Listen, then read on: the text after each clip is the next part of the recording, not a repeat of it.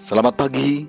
Janganlah engkau lupa memperkatakan kitab Taurat ini, tetapi renungkanlah itu siang dan malam, supaya engkau bertindak hati-hati sesuai dengan segala yang tertulis di dalamnya. Sebab dengan demikian perjalananmu akan berhasil dan engkau akan beruntung. Mari kita terus dengarkan firman Tuhan dan sukses selalu. Shalom, selamat pagi Bapak Ibu Saudara sekalian dikasih Tuhan. Saya tahu pagi ini Tuhan pasti memberkati kita dengan luar biasa. Sebelum kita beraktivitas, mari kita mau berdoa untuk menerima firman Tuhan. Bapa kami dalam surga, sucikan kuduskan hati dan pikiran kami untuk mendengarkan kebenaran firman-Mu. Kiranya Tuhan memberkati kami. Haleluya. Amin. Amsal 3 ayat 25 sampai 26 berkata, "Janganlah takut kepada kekejutan yang tiba-tiba atau kebinasan orang fasik bila itu datang, karena Tuhanlah yang akan menjadi sandaramu dan akan menghindarkan kakimu dari jerat." Bapak Ibu Saudara sekalian, kata tiba-tiba ini akan selalu membuat kita terkejut dan kaget, ya. Contohnya saja di awal tahun ini kita sudah banyak menerima hal-hal yang membuat tiba-tiba itu kita jadi kaget dan takut saudara. Ya, apa itu saudara? Yang pertama banjir Bapak Ibu Saudara. Hanya dengan hitungan waktu, ya dua jam saja hujan yang hebat, hujan yang deras, saudara. Kota Jakarta mengalami kebanjiran yang hebat. Ya, ada yang kebanjirannya sebetis, ada yang kebanjirannya sepinggang, dan banyak juga barang-barang yang rusak akibat banjir yang terjadi secara tiba-tiba kita dikejutkan dan kita dikagetkan dengan berita ini. Ya, bahkan uh, kota Jakarta sebagian mengalami kemacetan total karena apa? Menghindari kebanjiran yang terjadi. Nah, yang kedua, yang kata tiba-tiba itu adalah gempa.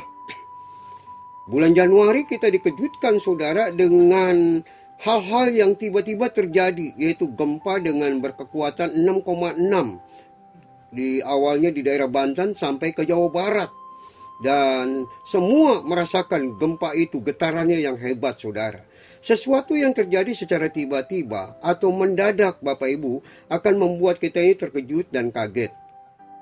Ada teman sahabat yang baru saja kita telepon Bapak Ibu Saudara, kita sedang asik ngobrol dengan dia, tiba-tiba kita mendengar kabar, ya lewat dari satu dua jam yang kita ngobrol tadi, dapat kabar bahwa orang itu meninggal. Kita dikejutkan, kita kaget, secara tiba-tiba orang yang baru saja kita ajak ngobrol sudah meninggal.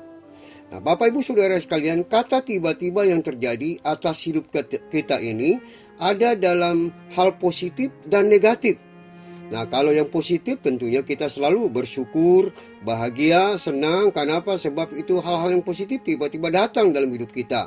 Tetapi kalau tiba-tiba itu datangnya hal yang negatif, saudara, pasti tentunya kita akan mengalami kesedihan, kita mengalami duka, kita mengalami ketakutan, kita mengalami kekhawatiran yang terjadi dari hal-hal yang negatif itu.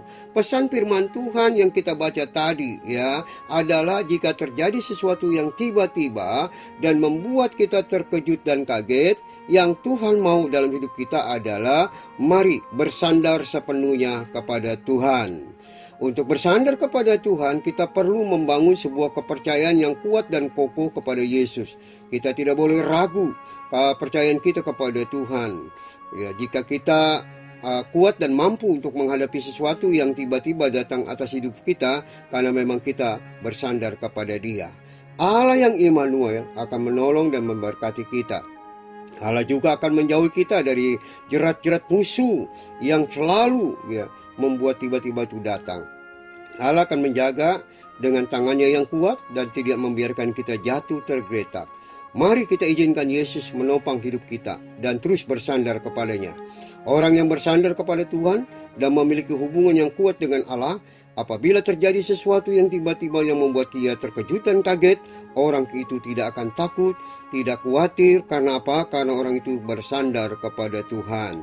Demikianlah renungan pagi ini saya sampaikan. Kiranya Tuhan Yesus memberkati kita semuanya. Glory bagi nama Yesus. Amin. Puji Tuhan, saudara yang dikasih Tuhan. Saya percaya firman Tuhan menjadi berkat dan kekuatan buat saudara semua dan Roh Kudus akan memberikan pemahaman yang lebih dalam tentang kebenaran firman Tuhan. Tuhan Yesus memberkati saudara semua. Sampai jumpa dalam renungan yang berikutnya. Haleluya.